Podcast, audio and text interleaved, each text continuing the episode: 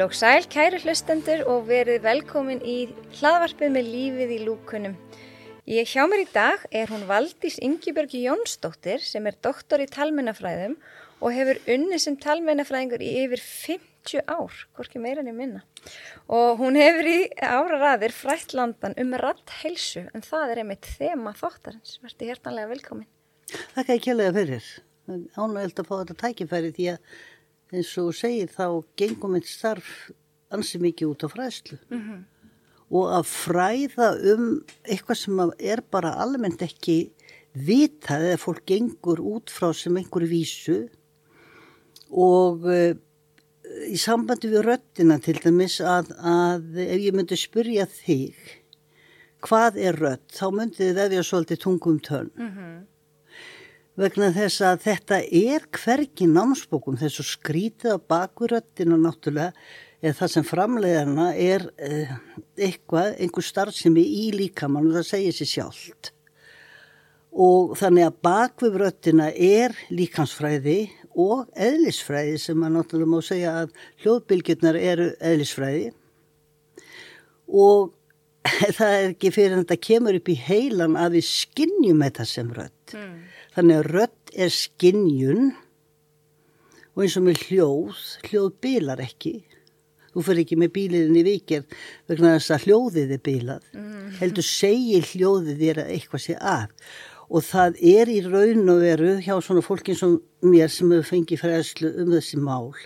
Þá er það það sem að kemur í ljós að fyrst og fremst er ástæðan fyrir rattveilum, fólk veit nú fyrstulega ekki hvað rattveilur eru, við getum farið út í það setna, en það er þetta gífurlega þekkingaleysi sem að gera það verkum að fólk gengur fram að þessu kerfi sem að myndar röttina. Mm. Þannig að hvað er ratthelsa? Já, hún komið nefnilega því. Já. Það er ratthelsa er að þetta kerfi og flestir þekkja nú rattböndin en fæstir vita það reyndar að rattböndin ger ekkert sjálf. Þetta er tilfinningalös vefur, svona eins og fylgustrangur. Mm -hmm. Tvö erðu vissulega mitt í öndunveginum en það sem að gerir hljóðið eða sem sagt fær þau til þess að týtra það er loftið úr lungunum og um leið og þau fara að týtra þá byrjaðu að gefa frá sér hljóðbylgjur. Mm og það er ekki fyrir að, að þessar hljóðbylgjur eru búin að fara út um mununum á þér, gegnum loftið, inn í eirunðin, gegnum allt það apparat eins og það er, upp í heilan, þá fyrst skinnjar þetta sem rött. Okay. Þannig að þetta er svolítið svona vafasamt að nota orðið rött af því það er bara skinnjun. En, en Rattheilsa er í raun og veru það að halda þessu kerfi sem að sér til þess að hægt er að strekja ratböndin um, upp og niður og fram, fram og tilbaka, getur sagt svo eins og þegar ég gerir svona úúú að þá er ég bara að strekja á böndunum og til þess þarf heilt vöðvakerfi. Mm -hmm og það er því vöðvakerfi sem er hægt alveg þetta svo vöðvakerfinu í líkamannum er hægt við allri misbeitingu annað í þessu líka að sko það er ekki nóg að hafa rattkerfið sem slíkt í lagi vegna þess að það eru tvö kerfi í raun og veru þegar þú ert að tala. Það er annars vegar rattkerfið sem að þú nærð ekki til. Það er ekki þetta að nutta það. Það er hins vegar er þannig búið um hnútana að tungan er först við svo kallar málbein og það er raun og veru kannski minn vinna að það er að losum þetta blassaða málbein. Okay. Og þar byrja vandræðin vegna þess að tungan er miklu lengri í okkur heldur við höldum. Og hún er með þessa rætur þarna, við getum kallað það það er að segja e, já, ég get að kalla þetta annað rætur er fastar við þetta málbein. Og málbeinið er efsta beinið í, í barkakílunu sem slíkum eða, eða þeim búskap. Og eh, ef að það sest þreita í tunguna að þá náttúrulega sko heftur hún reyfinguna á barkanum vegna það svona först við hluta af honum sem er þetta blessaða málbein. Þannig að, að þarna kemur annað kerfi, það er að segja talkerfið, þar getur við fengist, fengist mikið við, það er að segja losa um stýpnina, sem að myndast í talkerfinu og sérstaklega kannski tungun í þessu tilfelli af því hún er samtengt við rattkerfið og uh, það þarf að, sko, þú getur ímyndaðar ef að við erum virkilega að segja um þúsund hljóð á mínútu, það er ekki neitt smá mm -hmm. og tökum við náttúrulega uh, tví hljóðana svo kvöldu eins og til dæmis æ og, og ei og, og au sem eru þekktir og svo aftur móti á og ó sem líka eru tví hljóðar að þegar ég prófaði að finna vissi út frá meðaltalið það eru svona 140-60 orð sem við segjum á mínútu. Mm -hmm. bara þegar við erum að tala venjulega þegar við erum bara að tala venjulega. Já. og þá er sem sagt meðaltalið þetta sé 140-160 ef þú setur, við sko segja bara svona 150 orð bara svona uh, tilvöluna kent saman í samfeldan texta tekur út öll bíl og allt annað uh, reiknar þarna með tvíhljóðun sem eru þó nokkuð margir og akkur skipta þessu nú máli? Jú, þeir eru náttúrulega gerðir úr tveimur hljóðum eins og á, á. Mm -hmm. Þannig það eru tvær hreyfingar sem að þarna eru og þarna eh, sagt, eh, er þessi blessu tunga, hún fær þessa, þessa, þessi bóðum að reyfa sig og samkvæmt því að maður telur saman alla þessa bókstafi og gerir sér, sagt, þarna, gerir grein fyrir því að þarna séu tvíhljóðarinn á milli að þá erum við að reyfa tunguna hér upp í þúsund sinnum á myndu. Vá. Já, það er nefnilega vá. og þetta, náttúrulega, ef þetta er vöðva, ekkert ef það er, það sem þetta er, sem sagt, vöðva starfsemi, nummer 1, 2 og 3, að mörgum smávöðum sem vinna saman og, og, og hérna gera það verkum að rættbötu geta svona eins og þau gera, að þá uh, getur maður þetta ímönda sér að, að maður getur gengið fram að þessu og þannig erum við komin á því sem heitir ratthelsa, það þarf að fara vel með þetta kerfi, það má ekki sagt, yfirkeira það. Ég stundu komið dæmi sem er svolítið lýsandi að ef ég segi við fólk, vilt ekki bara fara á skónum og sparki vegg Já. bara berðfættur í vegg helst mm. og þá segja allir auðvitað nei mm. og akkur af því ég finn til, vissuleg er það rétt mm -hmm. þess vegna forðustu við það fyrir vel með líkamann af því hann er með sásukarskinn mm. nema rattböndin þau eru það ekki og þess vegna getur argaður í röttina og gerir í raun og veru ekki grein fyrir að þú ert að skemma þarna líffæri mm. Það skemma rattböndin með öskur og þess vegna er ég búin að berjast í 20 ár uh, í því að reyna að fá meðvitundu hjá fólki að, að hérna öskur eru hættuleg fyrir fyrir röttina sem slíka þar að segja fyrir þetta kerfi að það bara reynilega gefi sig Já. og það gera röttböndin í öskri Ég til dæmis, sko, þegar ég byrjaði að starfa sem íþróttakennari, mm -hmm. þá var ég í grunnskóla og mm. þá alltaf á haustin bara mm eftir fyrstu vögguna -hmm. þá misti ég röttina Nákvæmlega, vegna þess að þetta lág svona í dvala þessi þreita, þessi síþreita sem hefur verið komin mm. lág í dvala svona yfir sumar og fekk svona smá kvíld svo þegar kemur þetta skindilega átak að höstunu aftur og þá náttúrulega blossar þetta upp Já. og þau svara fyrir sig þannig þau eru náttúrulega aldrei skrítin þessi rætbönda, þau eru þakin uh, eða hafa réttar að sagt þekjulög, þrjú þekjulög sem eru í sambandi hvert við annað með svona smá þráðum eða svo má segja. Og þau eiga að vera sveigjali til þess að, að geta fengið rætböndi til þess að vinna svona mjúklega eins og þau gera. En þegar að fara er að reyna á þetta þá geta þessi þræðir sem sagt slittnað sem er á milli þessara þekjulaga og þá myndast það sem heitir söngvaranútur. Það getur líka þegar búið að ganga svona fram að þessum vöðum að þá getur hreinlega bara komið í þá það sem við þekkjum sem vöðabólka og er það þá svona hæsi eða? þá kemur þetta fram sem hæsi vegna þess að þá, sko rættböndu þurfa að leggjast saman til þess að geta búið til þessa hljóðbylgjur. Og þegar að búið að ganga fram á kerfinu þá náðu kannski ekki alveg að, að sveiblast eins og eiga sveiblast og það sem gerist í sveiblónum er það að, að það í raun og veru ræðst, ræður því hvernig rött, röttin kemur eftir því sem að sveplutnar á, á böndunum eru hægari þess dimmari röttin og eftir því sem að sveplutnar eru hraðari þess bjartari mm. þannig að þetta fer eftir lengt og gerð og þess vegna til og meins kallmennarratti þeir eru dýpri heldur en kvennaratnar af því þau hafa lengri rattbönd yeah. þess vegna er það sem að börnin hafa skrækari rattir heldur en við af því böndi þeirra eru stittri okay. Helmingi stittri svona, svona þumarfingurregla mm -hmm. sem þýðir það ég margóft búin að vera að leggja áherslu á það að til meins eins og í leikskórum að konu sé ekki að sperra sig í það að syngja sömu rattæð og börn því það lífræðilega geta er það ekki mm. það eru til eh, náttúrulega sopranrættir yeah. en, en, en öllu jafna að þetta er jafn vittlust eins og að halda og getur sungið sagt, eh, með, með kallakór í, í einhverjum bassa sko. Já. Þannig að þegar maður upplifir eitthvað svona eins og ég upplifið þarna svona rattleysiði hæsi en svo lagaðast það smá saman Nákvæmlega En er þetta þá bara svolítið svona varnarkerfi? Líka með að segja mér já. bara hei stopp Ég raun og veru og svo getur þú sko ferðu upp í þína vanalegu spennu mm. og þá eins og segi þá lagastu en það vil bara svo til að sko þessi þetta, þetta er svona eins og drópar sem fara í glas að fyrir eða setna þú fyllist glasið mm. og þá flóur út úr yeah. með öðrum orðum ef að kennari er komið með þessi vandamál missur öttina, hún fer að staða aftur að þá er hann í raun og veru með e, e, vandamálið samt sem áður en svolítið falið yeah. Og hvaða starfstjætti myndi þú segja væri svona helstar? Kennarar, íþróttakennara, það sem þú tilherir Mest útsettir fyrir en, Já, það, sko, það, það sem að kennurum er gert það er að vinna í ólíðandi og þetta er atvinnutæki eins og við vitum, óvarið og ótryggt. Þeim er gert að vinna í kringustæðu sem að eru rætt skemmandi, mm -hmm. sem að reynir á röttina að þurfa að tala í háfaða.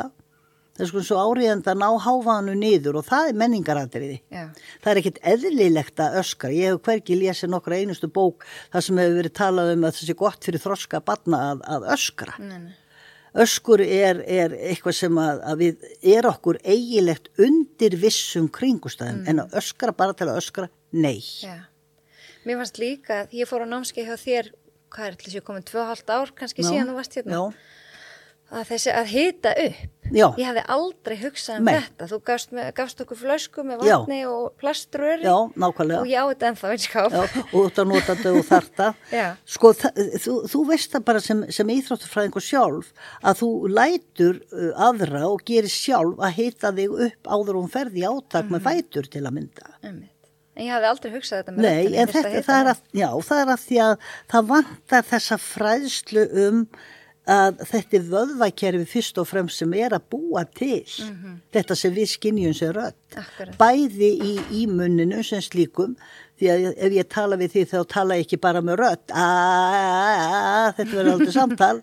Þannig að það hljót, að hljót við hljótum að verða ummynda þessa hljóðbylgu sem koma þarna frá frá röddböndunum með talfærunum í einhverja hljóðbylgu sem berast svo í gegnum allt þetta kerfi og enda sem skinnjun á rödd og sem talfæri já, þannig að það er talhljóðum já, þannig að það er þessi misbeiting sem getur valdið sko, já, en hvað er það annað sem getur valdið sko það er uh, allt mögulegt. Það, það, það er, sko ég mentuð sem það heitir á fagmálu voice ergonomic. Það er að segja ég hef viljað því þetta sem rætt heilsufræðingur mín mentun hún fælst í því að reyna að koma í vekk fyrir rættskaða ok og þar leðandi að þá eru við náttúrulega mentuð í að reyna að finna þessa skadvalda. Mm -hmm. Við vitum náttúrulega þekkingaleysunum 1, 2 og 3 að þú hefðu þekkingur og þú myndur passa röttina sem þú gerir eftir þetta námskeið. Já, ég breyti, þá, breyti mörgu. Akkurat, bara þá fyrir að passa. kennara, þá bara,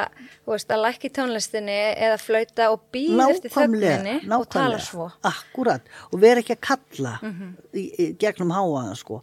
Þetta er það sem er hættan En, en það sem að, að kannski ég þurfti að koma að núna svo ég greipi fram með fyrir sjálfur mér, það er að fólk átti sig á hvað eru rætt veilur. Mm -hmm. uh, uh, og svo skal ég koma inn á þetta, þetta rathelsu, þessa ratthelsufræði þetta smástund.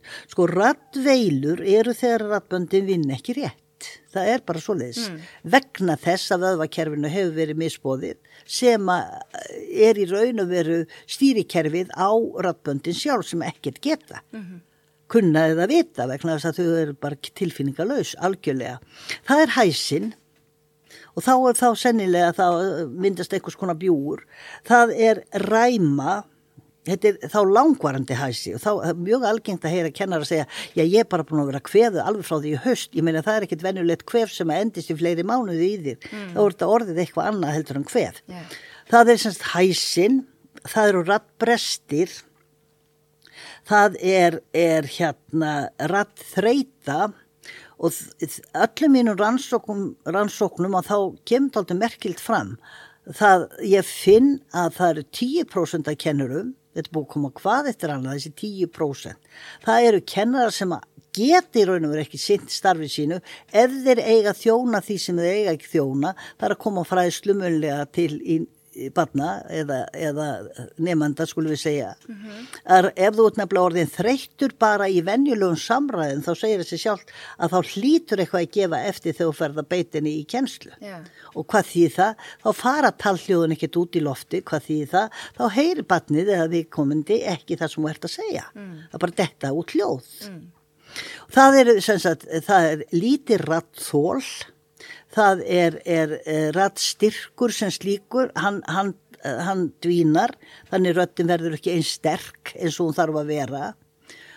Þetta er, þetta er svona, og tala ekki um þegar komin er reskingaþörfin og svo uh, hérna að það sé eins og það sé eitthvað fyrir staði í, í, í kókinu, það þarf að reskja sig og það er ekki það sem er að, að það er ekki slími sem er þarna að heldur er það að þetta er orðið eins og bólka þetta er bara komið þarna þróti í þetta kerfi og þá kemur þetta eins og fyrirstað sem þú þart að losa við og það, svo ég komið því strax að núna, þá er eitt af því sem er og verður að gera, það er að hætta, bara hreinlega hætta að raska sig, það bara má ekki okay. vegna þess að þá? þá urgar böndunum saman mm. og þá er þessum þekjulögun svo hætt mm. bara að þau gefið sig og, og þú í raun og veru má segja að þau tekur sambarlegt XM ef þú fyrir að klóra í XM þá æsur það upp mm. ef þú fyrir að ræskjaði þá æsur þessa tilfinningu upp yeah. þannig að það verður svona ræskinga þörf yeah. og þá spyrður náttúrulega skiljulega hvaða þá að gera í staðin mm -hmm. jú, það á að hosta bara svona létt eða taka vatni eða eitthvað sem getur, getur sem sagt, komið þessi í burtu og, og bara heilega beita sér sjálfsaga að vera ekki að ræskja sig þegar maður vil gera það yeah. Allar þessar rattveilur sem þú varst að telja, Já. er þetta sem sagt, það sem gerist ef við erum búin að misbytta röttinni já, já. já, og það er það sem þú ert að reyna að vinna að fyrirbyggja þá komum við aftur að minni mentun sem, mm. sem ég ætla að fara út í núna mm. það er að við erum að reyna að koma í vekk fyrir að, að þetta rattkerfi og talfæra kerfi það sem er tunga, varir, kinnar og kjálki, þetta eru svona helstu talfæri að sko við þurfum að reyna að finna eh, hvað er það í umhverfinu sem að getur þarna skadað eða unni beint að því að skada þetta kerfi og þá er það eins og ég búin að segja áður uh, og endur tekka ennþá einu sinni, það er þekkingaleysi nr. 1, 2 og 3. Yeah. Man þarf að vita hvað þú mátt og hvað þú mátt ekki. Man þarf að vita hver einkinnin eru og það er ekkert sexi að vera með hása rödd. Það er bara sjúkt. Þannig að það sem getur komið er þarna umhverfis áhrif það er til dæmis, það er í raun og allt sem kemur að greina.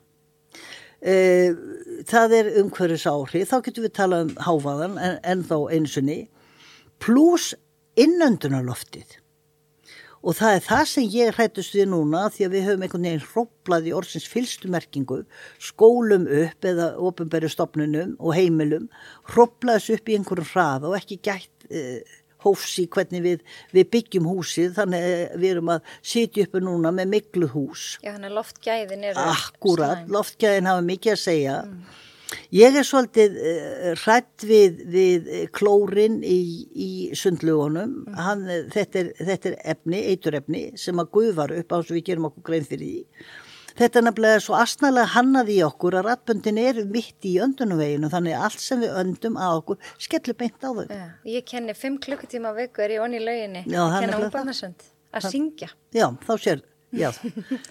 Þannig ertu komið með gríðarlega hættu já. og þú ert bara heppin að vera ekki búin að missa rötina. Já, ég er bara að vera döglar að hýtta mig upp fyrir Já og eins það sko að, að það sem er líka eins og íþróttakennarum hægt og þeir er, það er ekki einleikið, það er ekki nema örfá prósent og við erum að tala um einstafstölum, ég minn er ekki að hafa heyrt eitthvað, allavega að vera svolítið óabyrg núna það er 5% pluss mínus, það er frekka mínusinn af kennarum, íþróttakennunum sem eru í sinni stöðu sem íþróttakennarar í dag. Ég hef heyrt að meðal starfsaldur sé sjö ár. Já það var sjör, ég held að hann sé búin að hrapa niður, Já, ég held að hann sé komin í fimmuna ef ekki undir fimmuna mm. og til hvers er maður þá að menta sem maður getur það ekki af því að starfið eðilegu fyrir mann þessa, þessa starfsmöguleika. Já, að þetta er okkar vinnutæk í röttin. Akkurat, og óvari, ég vil fá þetta undir líðheilsu kem því hér með og ég ætla að vona einhver hlusti á þetta hlaðvarp sem að hefur einhver ítök og skilningaðarlega sko, það er versta sem að ég er að fást við það er þetta skilningsleysi. Hvernig komum við þessu undir líðhilsu? Ratthelsa er náttúrulega alveg Ratthelsa náttúrulega alveg eins skilið að vera þar eins og, eins og, eins og margt annað mm. sem að við höfum komið undir líðhelsu. Þetta er heilsufar. Já. Þetta er lífsgæðatæki, það er ekki bara þessi aðtunumtæki heldur þetta lífsgæða. Hvað eru við að nota núna þegar ég er að tala við þig? Emi. Þannig að, að þetta er miklu meira eh, vandamál heldur en fólk gerir sig grein fyrir og það þarf að koma nafnilega röttin undir líðhelsu til þess að hún fá einhverja vörn mm -hmm. verði varin með einhverju. Yeah. Þannig við erum ekkert varin með einu eða neinu. Eh, sko, það er líka annað sem ég ætla að, að segja í sambandi við, við þessi fræði að það er í raun og veru allt sem við setjum í okkur hvað sem er fæða eða drikkur eða krydd eða bara nefndu það og svo aftur á móti eh, hérna líka það sem við öndum inn eins og, eins og mengaloft þetta fer bara ofn á ratböndin og sem þurfa nafnilega líka að vera mjög vel smurð. Hvernig heldur að bílinni færi ef að þú smyrðar hann ekki? Já, hvernig smyrjum við ratböndin?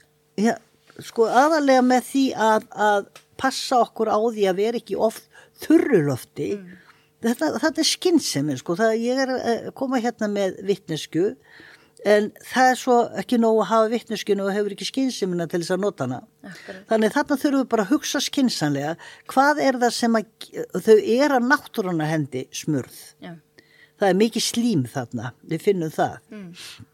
Þetta slím er í nefhólinu, þetta er í þessum öndunar vegi, lungun og, og, og barkin og, og mm. þar með náttúrulega rattböndin og alveg upp í ennishólur og þarna er slím í gangi og, og, og serum eða vökvi í gangi til þess að halda þessu smörðu.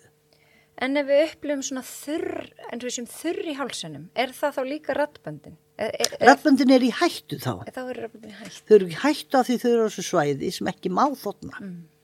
Og þar leðandi þá þarf fólk að taka sem svolítið svona aðvörunarmerki uh, ef það fer að finna fyrir þurki í, í, í, í hérna hálsi og þess vegna er það eins og þú hefur núna sjálf vatn við hendina. Mm -hmm.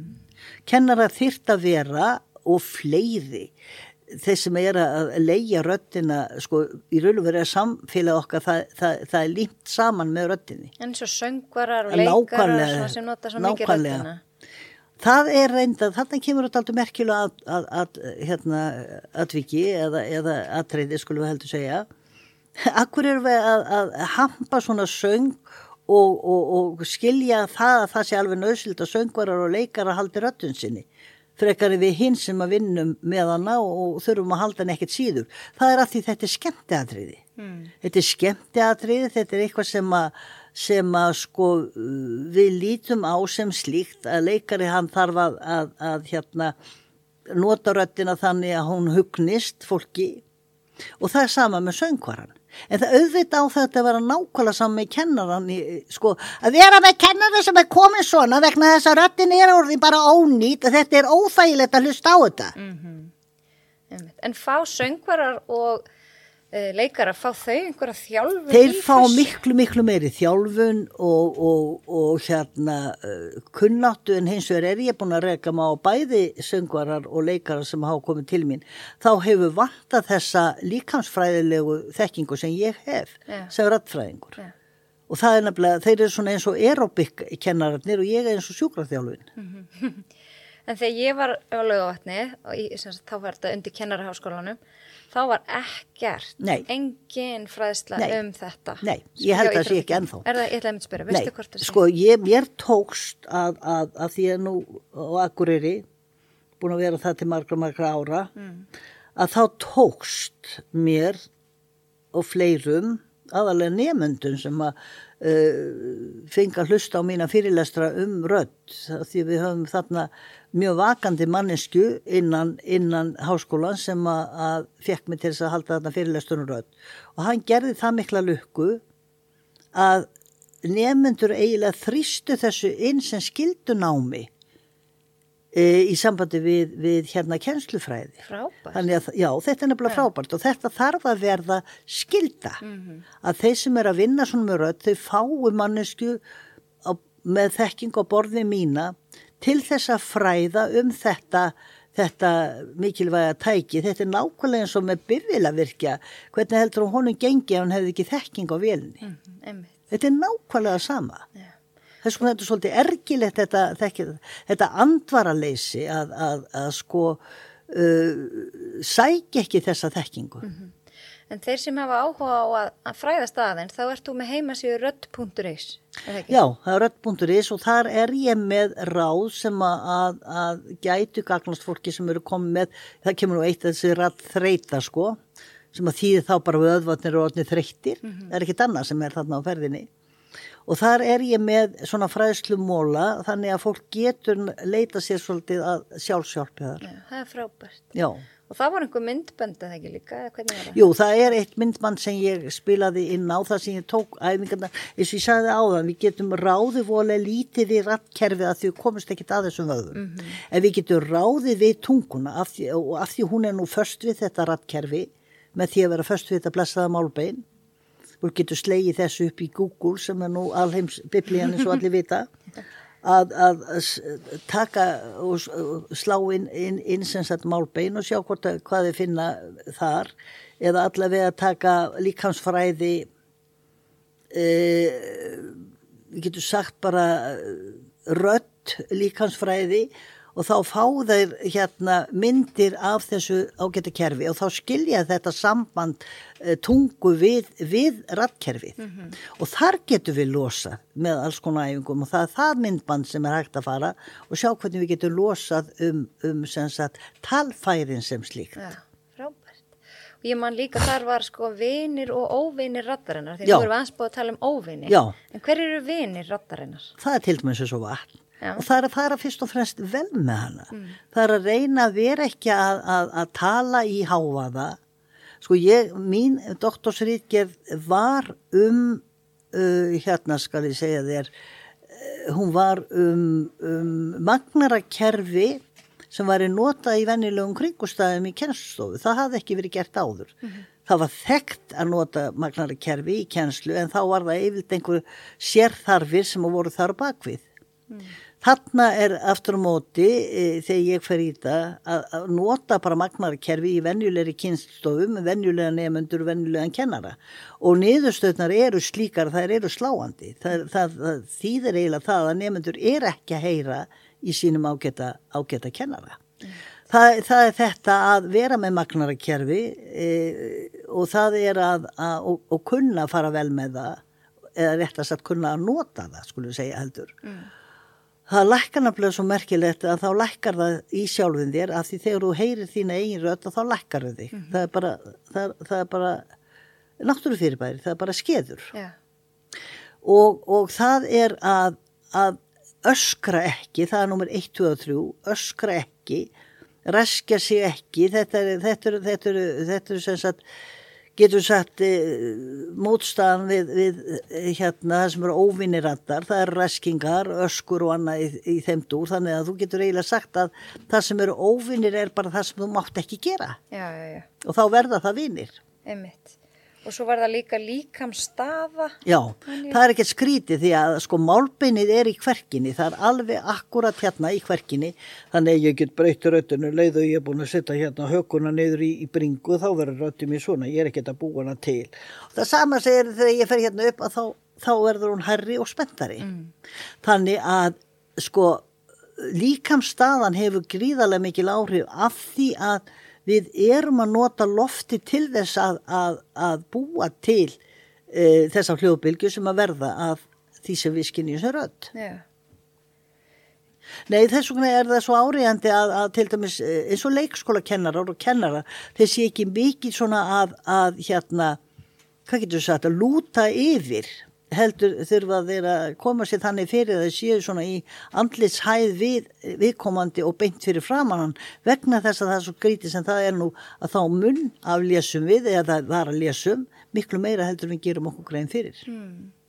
Og að þeir nú að tala um leikskólana þá minnir það mig á pistil sem þú settir á Facebook mjög nýlega um niðurstöður písakönnurinnar. Já, minnst ekki á það ógrætandi. Getur þið sagt okkur aðeins frá því og af hverju þetta líkur þér svona, hvað segir maður? Sko, eins og ég sagði, ég er búin að berjast í 20 ár frá því ég laug doktorsnámi að þá ég barist á hæl og hnakka aðalega náttúrulega í svona fjölmiðlum uh, fyrir skilningi á skadvaldi hávaða á, í, í bara námsumhverfi batna getur við sagt mm. Því að það, þarna vantar bara skinnsemi hjá fólki. Það þarf ekki alltaf að vera, vera háskólamentað uh, uh, það þarf að nota skinnsemi til þess að bara að átta sig á hvernig hlutinir eru. Og það segir sér sjálft að ef að batn er á leikskóla á, á máltöku skeiði sem er nú frá svona einsás upp í fjárra og það er bara með sína rött og það þarf að heyra rattir annara í gegnum háfaða sem er á leikskólanum þá segir það sér sjálft að það, það, er, það getur ekki hirt sér til skilnings. Þannig að, að ef að við þessi fullornum þurfum að vera eins og við erum til dæmis hérna tvær, nokkurt veginn í algjöru kyrð mm -hmm til þess að, að, að það sem við segjum að það kom engin auka hljóð til þess að tröfla það, erum við ekki akkurat að gera það núna í ögnablikinu, ég veit ekki betur. Yeah. þetta er ekkert verið að hugsa í sambundu við börnin og það er ekki með að við skulum vera með alls konar varnamúra til þess að venda ratt heilsu skulum við kalla, mm -hmm. ratt getu hvað við viljum kalla þetta, fullorðin að það er ekkert verið að spá í börnin. Þannig að börnunum er ætlað að læra mál í gjössanlega óhæfu umhverfi. Þú, hvorki þú eða ég myndi vilja fara í einhverja stóra vestluna miðstöð og, og, og til þess að læra og, og heyra það sem aðrir er að segja í gegnum allan háaðan sem að utanákomandi er þar. Mm -hmm. það myndi einhverlega láta sér þetta það en akkur allustu til þess að börnin geti þetta? Þetta þýðir það að þau læra ekki málið sem slíkt Og, og þess vegna náttúrulega ef að, ef að þau eiga að, að byggja upp orðaforða þá þurfa þau að heyra orðin rétt mm. og þá geta það náttúrulega ekki tekið próf í íslensku eða vantar orðaforðan. Annars sem ég bent á náttúrulega líka er að við erum rosalega kærulöst þegar kemur að því hvernig börn uh, hérna læra mál því að með þess að sko háskólamenta fólk sem ætti nú að hafa þá greindin í lægi því vantar skynsefnina þarna að það er að gauka að þessum börnum sínum tveggja þryggja ára og gerðu það allavega, ég veit ekki hvernig þetta er akkurat í dag, gerðu það bara fyrir örfáum árum síðan svona, svona spjaltölfum með ennskum uh, prógramum mm -hmm. uh, þar sem að læra að segja blue hás og endur taka þetta og þetta er byllandi máltaka þannig að við erum að kenna þeim ennsku strax á máltöku skeiði mm -hmm. En þú vilt að við kenna þeim fyrst íslenskuna? Nákvæmlega, það er bara það sem ég vil ja. og ég vil náttúrulega að svona prógrum sé að það sé eitt, eitt miklu meira í að þýða þau og, og, nota þau þannig en, en að gera þetta svona ja. Bönningi, sko, þau velja, sko þau velja það orð sem þau læra ja. skiljanlega Ég var að passa fjörur á bætt fyrir nokkrum árum og við vorum út á rólo og hún svona datt Já. og hún sagði, wow Erla, Já. ég touchaði næstum því grándið. Nákvæmlega og svona. Og ég bara, hvað sagðum? Já, sko ef þú hlustar á ungd fólk núna svona 20, 25 pluss mínus, aðalega mínus í árum talið að þá er þetta ofbóslega ennsku blandið vægast já, já. ég heyri stundum nefnendur tala saman á já, ennsku akkurat. Og svo erum við með písapróf sem er á íslensku. Og svo er allir búið að hissa yfir því að þetta skul ekki hafa tekist betur en til en þetta. En, en það þýðir ekki að vera að spá þarna í kennslu aðferðir og, og annað í þeim dúr. Það verður að sjá til þess að börnin í fyrsta lagi hafi næði þess að læra mál. Eðlilegt mál. Pluss það að að það sem að, að, að hérna verið er að bjóða þeim það sé ekki á ennsku ymitt á þessu máltöku skeiði sem er þarna einst til fjáruna yeah. Ég var að tala við hérna, samstarskonu mína hérna um daginn sem er að gera doktorsveitgerð e, og hún var einmitt að tala um sko í tungumálum eins og ítölsku og spænsku og mhm. frönsku, mm -hmm. þar, þar er allt talsett, Já. þar er ekki ennskan Nei. svona og þar er Nei. allt öðruvísi, íslenska náhundi miklu meira högg að sækja en þessi tungumál. Hún er tungumál. það, af því hún er svona eiginlega svona, hún er, hún er mál sem er í útreymingahættu, það er engin annar sem talar þetta. Nei. Og þetta verður svo lítill, e, okkar, okkar, okkar fjöldi hér á þessu landi er svo lítill. Mm og ef við erum núna virkilega komið með það þannig að við séum meitt fjórða alltaf því útlendinga sem eru með sikkvart máli mér finnst alltaf aðdeklisvert ég fekk leikskólakennara með bilaðarödd tölnum nú um það. Mm -hmm. til mín. Og við gáttum nú laga röddina ég, það sem ég gerir bara sem þjálfi ég losum þetta kerfi þannig að röddbundi getur fengið að sveiplast eins og þau þurfa að gera. Það er í raunur það sem ég gerir mm -hmm og ég spurði um hennar starfsaðstæður sem slíkar þá hún var að kenna mörgum börnum og hún var með 24 börn á samt einhverjum tveimur sem að, eh, eru sem sagt þá aðstofar eða, eða samkennarar, hvernig sem maður vil líta á það. En þessi 24 barna hópur var samsettu þannig að átján á þeim átján af þeim voru með erlend tungumál, ekki sama tungumálið, yeah. heldur bara erlend tungumál pluss uh, þessi sex sem voru þá með íslensku og, og kjenslan fyrir fram á íslensku ekki satt? Mm -hmm. þannig að er, þetta er, er vonlustæmi alltaf sér að gera þetta svona eins og þetta hefur verið gert. Því að, að börnin þau náttúrulega get ekki gert eins og við þegar við erum til þess að fyrirlæstum ef okkur leiðist fyrirlæstum þá látum við okkur hverfa svo lítið bera á eða komum við ekki inn eftir hlje þau verða að gjöra svo vel að vera á stanum og, og þá bara myndast háfaði skiljanlega er ekki að það allast þess að börn bara nægi á sér neglutnar en tíma. En hvernig sér þú þetta fyrir þér? Hvernig getur við gert þetta öðru? Sko þetta er, þetta er, þetta er miður, miklu stærra dæmi heldur en við gerum okkur grein fyrir það þarf að umbreyta skólakerfinuð eins og það er núna í sínu förstu skorðum þá er þetta bara ekki að ganga upp. Nei. Það þarf að breyta því og, og það þarf að setja miklu meiri skorður á ennskuna til dæmis sem að fer hérna e, í til dæmis e, vestlani hér. Þetta hefur hvergi reykjum á ellendis að maður þurfi í sínu eiginlandi að, að tala, tala ennsku ég er ekki með eina fordóma núna, ég er bara með staðrindir mm. Og líka ofta á veitingastöðum. Nákvæmlega, veitingastöðum, flughöfnum og öðru slíku að þá, þá þarf þetta að tala ennsku, uh, sko, uh, það er að töluð ennska við þig. Já. Og það er ekkert vist að allir kunni ennsku heldur. Nei, en það er kannski bara annað vandamál þegar Íslandingandi sækir ekki í þessi störf. Nákvæmlega, það, það kemur líka eitt vandamál. Annað er það að við erum svo andvaralög skakvart háaða að það er næstu sorglegt það að, að þú þekkir þetta og þinni stjætt líka það að fara á kappleiki og arga og garga úr sér, úr sér röttina í orðsins fylsnumerking og það er mm. nefnilega hægt að verða rallus mm -hmm. og það er ekkert gaman að, að það þarf að koma einhverju menninga á að þetta er ekkert sniðugt, þetta er skadlegt það er það sem þarf yeah. það þarf að koma einhverju rattmenningu mér finnst dónalegt að láta öskröpi eirun á mér, bara fyrirgeðu mm -hmm.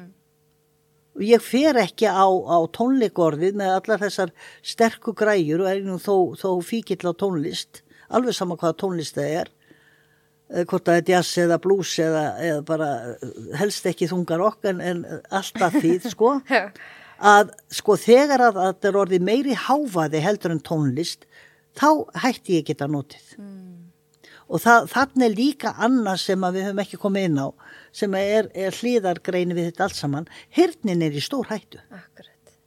og það er að mælast á börnum bæði aukin, auknir ratt skadar sem slíkir bara öskar úr sér öttina pluss að hirnateifa er að verða vaksandi vandamál. Og það er eitthvað sem er stór alvarlegt mál líka. Og það hefur náttúrulega áhrif á röttina þegar og máltökuna ef þú heyrir ekki. Nákvæmlega. Ja.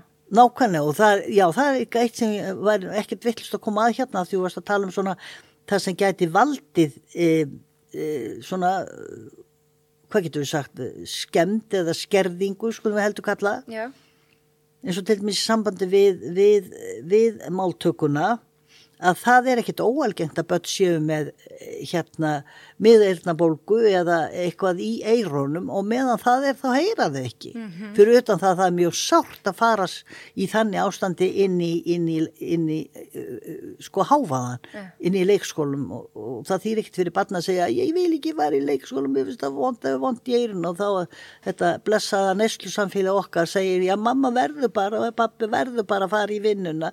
Það er svo góða konur þarna, þeir myndu öruglega alveg passaði og annað í þeim dúr. Það það er bara ekki máli þetta er, er ekki hægt að bjóða börnum sem eru með eirnabolgu í að vera í svona háfaða mm. við viljum það ekki sjálf og við getum ekki alltaf sko það er þetta sem ergi mig og kemur til með að ergja mig það er hvað við setjum börnin lítið undir þetta blessaða uh, hvað ég var að kalla þetta skoðun eða, eða, eða leiðaljós að, að, að það við aðtúm ekki að, að skólin er vinnustæðu bæði barna og fulloruna. Nú hef ég ekki komið inn á leikskóla í mörg ár því að yngsti minn er orðin það, það stór en, en er svona mikill háaði allstaðar á já, öllum leikskóla? Er... Mísjaflega mikill. Það, fer, það er og ég segi, ef, ef, ef að fólk hefur skynnsimra til að bera að reyna lækkan því það er hægt. Já að þá eru þeir leikskólar með miklu, miklu minni háfaða heldur en hinnir. En samkvæmt mælingum þá eru mælingarnar á leikskólum það háar líka á íþráttasölunum að það, það háar að það geta verið skadalegar heyrn. Svo skil ég ekki eins og nú en landsbankin að byggja glæsilegt nýtt flott já, hús, já. það er opið rými, það er allir að vinna já, í risastóru rými. Þetta er ódýrar að sko að byggja þetta svona. En, er þetta, þetta ekki verra fyrir? Jú, að vissu. Og þetta er líka vond fyrir því að, að, að hérna, við viljum uh, sko, þetta er svo mikið áreiti, opboslegt áreiti, sjónáreiti og, og hvað, bara nefndu það. En þetta er ódýrar að byggja þetta svona og þar lend er það gert og, og ég veit að eftir rannsóknum uh, að dæma að þá eru þessi opnu skóla eða open planning skól þeir eru að fá fallengun Já, það? Já. Ég var svo hissa sko að, ég er örglega ekki bara landsbankin, en þetta er bara nýjasta dæmi sem ég heyrði um Já. að, einmitt, ég vissi að margir skólar voru að breyta í þetta en svo eru byrjað að breyta tilbaka. Nýjastu skólarnir eru aftur með stofum. Sjálfsögðu, vegna þess að þetta er bara ekki gangu upp, mm. að því hljóð er eitthvað sem fer yfir skilrún það segir sér sjálf yeah. og þetta komandi að, að finnist ég það, það er nefnilega sorgleitt dæmi. Og átti náttúrulega aldrei að eiga sér stað. Það er það að, að, að sko e, skólani gengu í eitthvað samband við íþróttafélagin þannig að þeir nýttu íþróttavellina sem er bara yfirbegði keppnisvelli, þetta er það stórt. Mm -hmm og svo átt að reyna að, að koma því þannig fyrir að hægt var að kenna kannski 5 eða 6 bekkjum í einu með einhverju þunnum milli tjöldum. Yeah. fyrir það fyrsta þá náttúrulega bestu röttin alls ekki þó að sé í magnarakerfi þegar þú ert að tala um kubíkmetra þetta, mm. þetta, þetta er meira heldur en bara fermetra á gólfi Já, þetta er bara loft, nákvæmlega hátt til loft gerfigrassi, þetta er mjög þurrt akkurat, þannig að já, þetta, sko það vantar þetta sem mín stjætt, það er að segja rætta hilsufræðingarnir, við erum mjög ungstjætt. Ég er svo ein á landinu sem er mentuð í þessu. Já, ok. Og, og uh, þetta er sama með, sko þessi standa þarna framalega það eru svíjar og finnar og ég fekk mína mentum frá finnum. Hvaðan en við erum fá. Hvaðan kviknaði þessi rosalega áhug hjá þér fyrir talmennafræðinu og svo rötthelsu? Já, það er gott að kemur með það. það er því svo forvitin um allt svona. Ja. Og ég ætlaði aldrei í korki masterinn eða, eða, eða, eða doktorinn, ég ætlaði bara ekki að fara í það. En þú bara, eh, eins og ég segi þegar ég var búin að vera talkennari út í skólunum í einhver, ég ætla ekki 20-30 ár, og var ég á svolítið leið á þessum, þessum talgöllum og og mál uh, uh, kennslu þannig að, að en ég er músikalska elsvari þannig að ég hugsa fór að svona leggja hlustinnar að, að eirum uh, leggja við hlustinnar sem að rattir, hvernig ratti kennarar hljómuðu mm -hmm. og ég hugsa að það getur verið spennandi að, að skoða hvernig ástandið á rattin kennara er það er framhaldið, eða það er, það er byrjunu segi. Framhaldið verður síðan það að, að ég fer inn í fjarnám í þessum fræðum í, sko, í Glasgow, í Strathclyde University.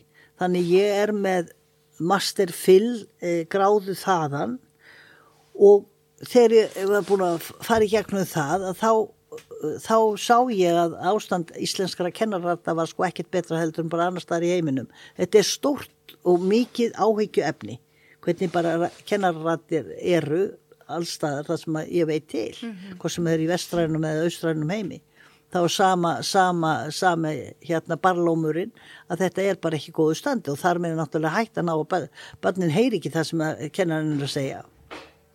Og það sem að, að hérna uh, verður þá til þess að ég fer í doktorsnám, ég ætla aldrei í doktorsnám ég er rosalega lítið fyrir svona gráður ég held að við séum ekkert gáðari fyrir þessa gáfur Hvað var stjórnin gömul þú fórst í doktornámi? Bara svona farveit? Ég er svo seinþróska sko ég, ég, ég held upp á það þegar ég var 60 Já.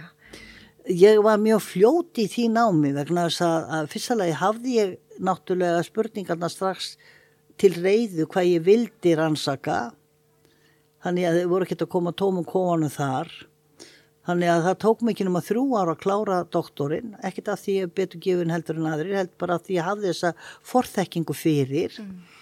og þegar ég var komið með masterinn þarna úr, úr, frá Skotlandi að þá hugsa ég, það getur nú verið bara snjált að prófa að nota magnarakerfi og sjá hvernig það myndi virka undir vennilegum kringustæðum.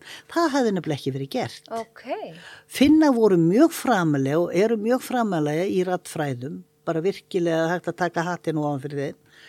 Og ég hitti þar á einn e, góðan og gildan e, hérna lakni í þessum fræðum. Og ég saði við hann að ég hefði áhuga að rannsaka þetta og hann var bara svona skotin í þessari hugmynd að áður en ég vissi að það var í konin í byllandi doktorsnám. Yeah. þannig að, að það var aldrei ætlunin að gera þetta en þú bankar ekkert upp á hjá háskólu og segja, heyri, má ég koma hérna inn og, og, og, og fá svar við nokkru spurningum og fá rannsaka svolítið hjá okkur, heldur verður bara að fara í ná. Já, já. Þannig að þetta er svona slisni hvort ekki hérna. og niðurstöðu doktorsrannsóknarinnar? Það eru skelvilegar í raun og veru vegna þess að það kemur í ljós að sko magnarakerfið er að svíni virka.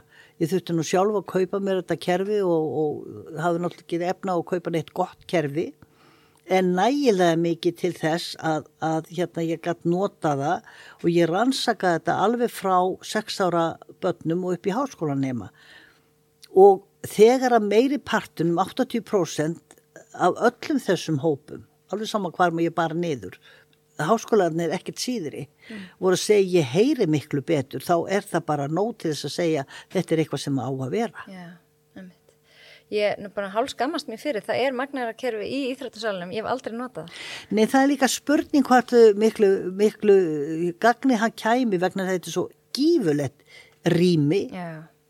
Og, og ég er ekki, ekki vissum að, að, að magnæra kerfið myndi virka sko þannig að það kæmi að gagni e, það myndi vera eiginlega meiri, meiri óþægind að hlusta gegnum magnarkerfið ja. heldur en að það væri ekki mm -hmm. ég við miklu heldur að þið íþróttakennarnir komið upp svona kerfi ég var einmitt núna stuttum með fyrirlastur í einu skóla hérna og, og það var íþróttakennari sem var náttúrulega komin með sína rött í svolítið köku eins og venjulega mm. en og með ykkur íþróttakennarana að, að sko koma upp merkjakerfi að til dæmis að það mætti ímynda sér að vera svona spjöld sem væri með svona fjórum litum hver fyrir sig og þegar að, að og flauta náttúrulega. Mm -hmm og síðan ef að færi upp gullt spjald þá þýtti það eitthvað ákveð rautt spjald þá þýtti það eitthvað ákveð grænt spjald þá þýtti það eitthvað ákveð þannig þið þyrtuð ekki að koma með skipannar munlegar mm -hmm. heldur bara hreinlega að gera þetta á markkerfi mm. og það kæmi til dæmis upp uh, blátt spjald að það þýtti þá þýtti allir að fara út í hotn og, og, og, og hlusta mm -hmm. í staðin fyrir að reyna að nota röttina í Íþróttasölun það er vonlust yeah. Akkurat. og svo erum við með annað sem að, eins og Bondi, ég man ekki hvað ég maldi há, háan, uh, hávaðan frá, frá Bondi spjóðunum. Akkur má ekki setja eitthvað á Bondi spaðana eins og fílt eða eitthvað. Þetta eru plastspaðar sem, a, sem a, eru með, með svona, svona plötu sem að, á að íta á milli sín með þessum spöðum yeah. og það er svo mikill háfaði þegar að þessir plastspaðar er verið að, að annarkvöldi rekast hver á annan eða þetta er svona eins og hokki má ég eiginlega segja þetta svona, svona hokki í sal mm -hmm. Já, bara sama, bandi. Já, er. Heyru, það er ég sem er að nota villstóð. Það er bandi, já. Bandi, já, já, já, ég veit hvað það er. Bandi, já. Einmitt, það er eina, vinsalastu íþróttagrænum. Ég veit það nefnilega, en, akkur, en, en þetta er ykkur í huga að setja fílt eða eitthvað sem getur dreyið úr því að, að, að þessum háað sem, sem að spaðarni valda. Nei, það er efast í öðum. Það er svona atrið sem að sko, byggja fyrst og fremst bara á heilbriði skynnsemi. Mér fannst eitt svo flott sem að var að rifjast upp fyrir mig núna þegar ég var að kenna í grunnskóla. Þá man ég að það var eitt kennari, hún let gera gat í tennisbolta Já. og hver einasti stóll var með fjóra tennisbolta já, ég, undir þannig að það heyrist ekkert þegar þú dróður stólan til það frá. Nei, ég er pínl, já, fyrir ekki ekki svona fram í vegna þess að ég á pínlítið þessa hugmynd því að, að ég hérna þetta, þetta sem mentunin eh, byggist á að reyna að finna eitthvað til varnar mm og þá var ég úti í, í Kanada og, á rástefnu og svo kemur þarna maður inn á, inn á, á sviðið með, með plastpoka, svartan plastpoka og fyrir að taka upp svona, svona bolta. Þú veist að nú fyrir þetta að vera eitthvað gaman hérna og byggilega fara í boltaleik bara. Nei, þá voru þið búin að uppgöta það að það með því að nota svona bolta, þannig er hægt að kaupa svona lífa líka, mm. þær er ekki dýrar. Ég held að hei, þetta er á ennsku en ég held að maður geti sett þetta á íslensku svo, uh, uh, hérna stólhlífar gegn háað eitthvað svo leiðis mm. ef maður er að leita þessu, þetta kostar ekki mikið. Mm. En boltarnir eru náttúrulega þannig að ef þú gerir gatt í þá og setur á upp á þessa pinnastóla sem ánáttúrulega banna með lögum það er alveg óþarf að vera með þessa pinnastóla ég myndi freka fjallæga skadvaldin heldur en að reyna að bæta þarna eitthvað úr. Yeah. að þá eru boltandi þannig að þeir eru út í slíku efni að þeir einangra fyrir það fyrsta þannig að þú dregur stólinn til þá verður ekki háfaði ég var nú bara í fyrra dag komin í, inn í, í Borsal í einhverju stórum skólu hérna í, í Reykjavík það sem að sjálfsagt fleiri tugi nefnda er að, að borða. Mm og þetta var allt saman pinnastóla, ég ætl ekki að segja að háaðan sem kemur að þessu. Þannig að, að sko þessir, þessir eh, tennisboltar eru sniður af því þeir finna líka frá sér frá sér óhreinundum. Og það er það mikið sko stinning í efninu með þess að hundar get ekki almeinlega unnið á þessum boltum. Að það er mikið stinning í efninu að þeir haldast á fætinu Akkurat. Og þar með þetta kom með einanguruna ja. Þetta verður því... einhver verið sem var á fyrirlistri hjá þér og fekk þessi ráð, þetta er nokkur á síðan sko. Já, akkurat. en, en, akkurat, en, en það sko það þýðir ekkert að vera að kaupa þessi efni sem eru límd undir. Þau, þau bara já, þau, já, þessi fíltapla þeir, þeir svona jagast af. En yeah. þetta er langsniðust að reyna að fá sér bara þessar stólfótalífar mm -hmm. erlendis frá, náttúrulega fást ekki hérna eftir síðan veit best. Nei en ef við reynum svona aðeins að taka saman bara segjum bara að sé einhver núna hlusta sem að er byrjað að finna fyrir svona þreytu í talfærum eftir vinnudag mm -hmm. eða eftir eitthvað sem þeir að gera mm -hmm. á hverju er best að byrja til þess að koma í veg fyrir mjög slæmar afleðingar? Fyrstalega að skoða sína eigin rattvenjur mm -hmm. eins og þú gerir sjálf og eins og kennar að gera sumir að, að þeir, þeir ganga frekar að börnunum og tala við þau heldur en að reyna að arga yfir, yfir heilan bekk Akkurat, takk í aukslina Já, það þarf, að, það þarf að skoða sína einn rattvenjur og sjá hvað gæti verið að skada hætta öskra og líka stoppa börnin í að öskra mm. endilega og, og hérna vera sem sagt á verði í gagvart öllu sem getur skadað e, þess að blessa slímhúð og slímlaga og slím sem er þarna í þessum blessaða öndunum vegi og það þarf að vera þurft og gott sem því að það þarf að líka að vara sig á því hvað, mað, hverju, sagt, hvað maður er að anda að sér og hver, hverju maður er að, að, að, að tróða í sig, ef svo má segja, mm. að fæðu, krytti og ímistu. Yeah. Með þetta nú í hug til dæmis ég þekkit sem er að vinna í svona bílaþóttastöð og hann angar alltaf einhverjum svona eituröfnum í úrspannans en já. ætti þeir þá ekki að vera með grímu? Jú, Eða... Jú. Bara til andi gæsir sem eituröfnum? Já, og það er annað, ég veit ekki hvernig, hvernig þessi fyrirtæki eh, sinna því að, koma sem mest á þessum, þessum þessu útblæstri eða hvað maður að kalla frá þessum tækjum og tólum sem þeir eru með að, að leiða það út úr húsinu mm. Láta það ekki vera í þessum þessum uh, þessu skýji yeah. af, af menguðu lofti Þannig að svona eituröfni geta alveg haft alveg hyggstælust yeah. og gera það mm -hmm. Ef að skaðin er skeður Já. svo við slettum, er þetta ekki hálf danska? Skaðin skeður Er þetta þá afturkvæmt? Get ég lagað það sem er orðið eða er þetta varanlegt? Sko, ef það fer á vist stíg þá verður sérfræðingur eins og ég að fást við þetta. Og það þarf að byrja á því að fara Uh, og, og láta lækni skoða hvort það er í lægi með ræðböndin, hvort það eru farin að mynda einhverja núta eða hvort það sést eitthvað, oftast nær sést þetta ekki. Og þá er það að maður ekki að taka það í mál að taka þeim, þeim ráleikingum frá lækni að maður er bara að fara heim og þeia, mm -hmm. það gagnast ekki. Vegna þess að ræðvelur koma langmestu leiti vegna misbeitingar á þessum rattfærum mm -hmm. og það þarf að byrja á því að fara til e, hálsnef og erðnalæknis og við eigum nú eitt slíkan sem er, er, er svona á þessu sama svið og ég sem læknir í borgarspítalunum heit Sigriður og, og, og láta skoða rattböndin hvort það er í lægi, það er fyrsta skrefið. Okay. annars skrefið er e, að fá þjálfun og þá frá, frá talmennafræðingarnir eiga að geta þetta, þetta á að vera í þeirra mentun, þó ég sé með sérmentun á, á þessu sviði, til þess að losa um alla þessa spennur, þarna vinnum við sem sjúkraþjálfara, þetta er eina svæðið sem sjúkraþjálfara láti friði. Mm -hmm. Það er að segja vöðvarnir í, í talkerfinu, það er að segja munninum, og svo í rattkerfinu, það er að segja barkanum og, og, og, og hérna barkakílinu. Það er okkar að, að sjá um það. Mm.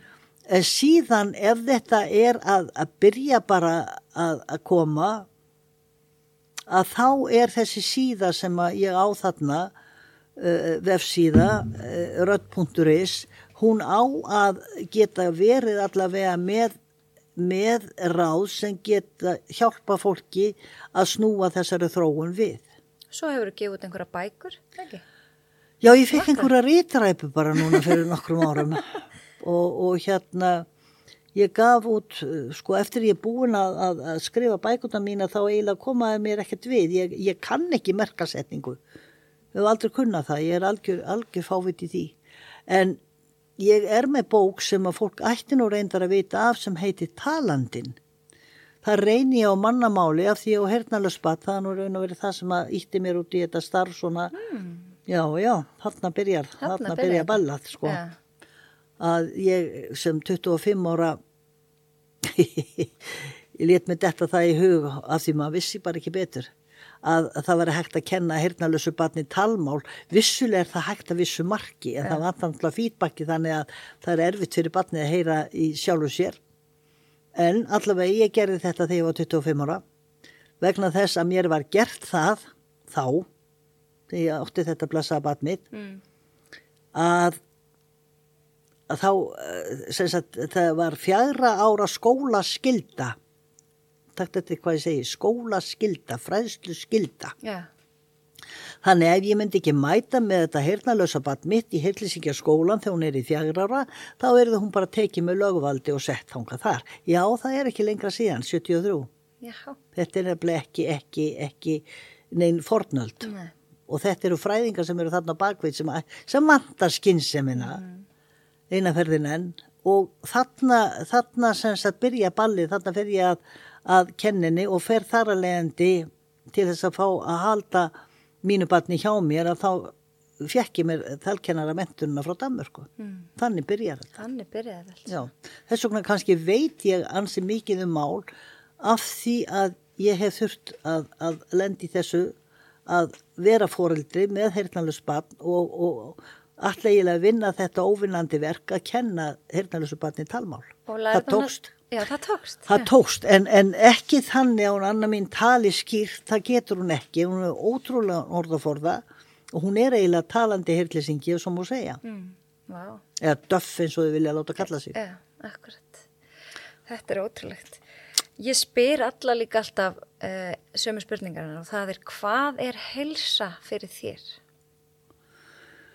Það er að geta bara fungerað almennilega og þá vil ég ekki vera að skilja andlega og líkamlega helsu Ég held að ef við erum með meðvitund eins og ég er búin að reyna að gera núna í þessu viðtali, reyna að skapa einhverja meðvitund um hvað við getum gert til þess að fara vel með líkamann, að, að, að þá, þá höldum við þessari hilsu sem við höfum. Því að, að hilsa er náttúrulega, ég skal bara svara þessum einu orði, þetta er lífsgæði, ekkit annað. Mm -hmm þetta er lífsgæði en hvernig eigum við að halda þessu lífsgæðum? Og hvernig getum við spilt þessum lífsgæðum? Það er eitthvað sem við eigum að hafa skynsum til þess að vita. Ja, Við erum með lífið í lúkonum Við erum nefnilega með lífið í lúkonum það má segja það. Ja. Telur þú að almennhelsa gæti haft áhrif á ratthelsu og öfugt? Já, já, það er sérstaklega kannski andli helsa það er svo skrítið með það að, að, að sko þú finnur alltaf þegar fólk er sorgmætt það koma því í hérna loki þetta er allt skemmtileg dæmi. Ég hef, hef uh, sagt þetta líka við mína nefnundu sko hvað í raun og veru merking orðana byggir á rattbeitingu mm -hmm. ef ég myndi segja brosandi við því farði til fjandans elskan mín þá mun, já þá er náttúrulega akkur að ferða að hlæja en það veit hvað almáttu ég notaði ljót orð yeah. Þannig að, að, að eins og þeir sem er, sem er í, í einhverju stefnu núna að noti ekki orði nei og noti ekki orði ekki af því þetta er svo neikvægt. Það vil ég ekki meina sér rétt, ég vil hins vegar segja það er ekki sama hvernig þetta er notað, Akkur. hvar þetta mm. er notað, við hvernig þetta er notað mm -hmm. og hvenar þetta er notað. Það skiptir máli, mm -hmm. með eitt, tvö og þrjú.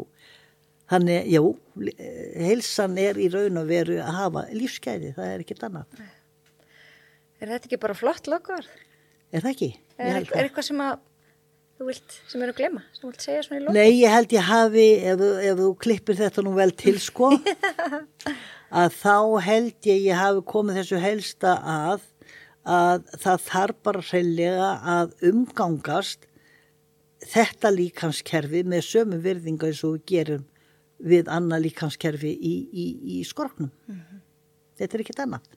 Þannig ertu líka með lífi í lúkonum, þú ert með eiginlega röttina þarna að veði þegar þú ert að, að, að tala um lífsgæði að, að þú verður að halda henni til þess að halda, halda þessu lífsgæðum. Þetta er atunutæki, ótryggt og óvarið ylluheilli ennþá.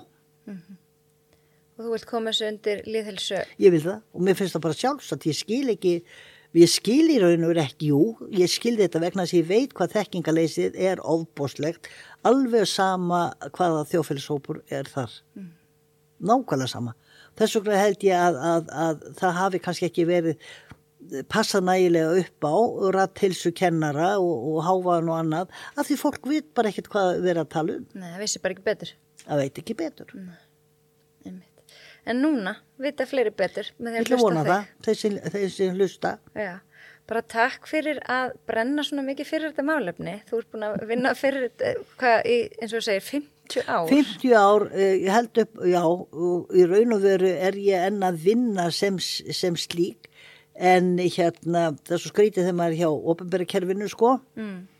og ég var svo lengi, ég var svo vittlust, ég fattaði ekki að ég er raun og verið ekki að vinna fyrir mentakerfið, ég er að vinna fyrir sjúkrakerfið mm. og þar að leiðandi að, að, að þá er það þannig að, að sko sjúkratryggingar Íslands það er borguðu uh, hluta og stóran hluta af, og, og, til og með séu börnur að ræða, þá er það 100% sem að borgað að þau borga sem sagt hluta af meðferð þó nokkuð mikið hluta. Þeim er náttúrulega bara okkar peningar, þetta eru skattpeningar. Mm. en þegar þú dónir 75 ára þá er þetta eiginlega dæmt að fara á leikskólanum með tvö í lífinu, það er að fara svona bara inn á elli heimili og, og, og hérna fara að leggja kapal og leggja púsluspil og, og taka sátt í samræðu hópum og annað. Ég er bara ekki alveg með áhugan á því ennþá. Ég er ekki að gera lítið úr þessu, það er alls ekki. Bara ekki með uh, hérna áhugan þarna. En þú hefur leiði til þess að láta uppfæra þig, þú tónum 75 ára, í fjögur ár meir þar segja að þá verður uh, hvert ár eftir 75 ára að fara til læknis og láta hann dæma hvort að þú ert með, með, með þessa andlegu og líkamlu helsuðina nægilega góða til þess að geta sintinu starfi. Ég er búin að nota alla þessar uppfæslur og þessi, þannig að ég er áttræði núna þannig ég, ég get ekki og má ekki vinna lengur ofinbellega sem það segir en ég er að vinna fyrir því. Já. Þú sýnir ekki að, að reyna að halda fyrirlest og það, það sem ég vildi gætna koma að að það er að reyna að fá mig meðan ég hef þessa andlu og hilsu í lagi að geta fengið mig til þess að halda eh, fræslu fyrirlestra um, um rött eins og ég gerði hérna í Hamraldíaskólum á sínum tíma. Yeah. sem er eiginlega afleggingin eh, afleggingin verður svo að, að mér er bóðið í þetta viðtal. Yeah. svona er lífið skemmtilegt. Já, svona er skemmtilegt og bara ég vona sem flestir skólastjórnendur eða kennara sé að hlusta og, og, og hérna fáið því til sína því að þetta hjálpaði mér. Þakkaði fyrir, sko það þarna finnst mér daldu erfitt að eiga við fólk af því að þetta er svo tilfinningalöst þú verður bara hás og þú verður rámur og missir röttina og hvað með það og, og ég nota þá bara falsettuna sagði einn, ég meina þá ertu komin algjörl og endabraut þegar þú ert konið með falsettuna, skilur þú? Mm -hmm að ég fæ ekki einhvern veginn í gang svona almennt hjá skólastjórnundum hvað þetta er mikilvægt. Að ratthilsan sé í lægi hjá kennarum ef að þeir eiga að gagnast nefndu sínum ef að nefndunir eiga að fá það mikið mála að þeir geti skora að písa betur en þeir hafa gert. Mm -hmm. Akkurat. Þá þurfa að þá þarf að sjá til þess að ratthilsa kennarna sé í lægi mm -hmm. og til þess þarf fræslu Já. og hana geti ég gefið. Já. en þeir eru ekki að sækja hana því miður allt og fáir. Þeir eru til en þeir eru allt og fáir að þessu skólastjórnundum sem að sem að, sem að einhvern negin vita, jú þeir vita af þessu en eh, ger ekkert í því. Svo er bara svona frábært fólk eins og þú sem vil aldrei hætta að starfa, hætta að vinna. Ég er bara, bara svona ofvirk. Ég brenn fyrir þessu það er, það, það bara, það er bara þetta svona hugssjónamál Já nummer 1, 2 og 3 og þannig hefst þetta svona miskusta droppin hóla steini sem maður segir. Mm. en mér vantar einmitt að fá þessu skólastjórnundur inn á þetta að, að fá mig með ég get til þess að halda þetta því ég set öruglega ekki ekki hérna uh, fjárhægin þeirra á, á, á, á hliðina. Ég hugsa ekki. Ég er ekki það dýr. En, en hérna að fá þessa mikilvægu fræðslu Algjörlega. Að þetta er, eins og við erum búin að segja nokkru sinnum, þetta er atvinnutæki okkar. Atvinnutæki ótryggt og óvarið. Ja, ja. Ég held bara að hérna, við endum á þessu og, og bara vonum að, að sem flestir kom, komi orðinu áfram. Nákvæmlega, þýrst að vera þannig. Ja. Ok, takk, takk fyrir mig. Takk fyrir mig. Ég hveti ykkur allt til þess að íta á follow, fylgja hlaðvarpinu, hvort sem það er á Spotify, Apple Podcast eða öðrum streymisveitum. Þá fáið þið tilkynningu þegar næsti þáttur fyrir loftið og endilega, ef þið eru á Instagram, að fylgja heilsuerla.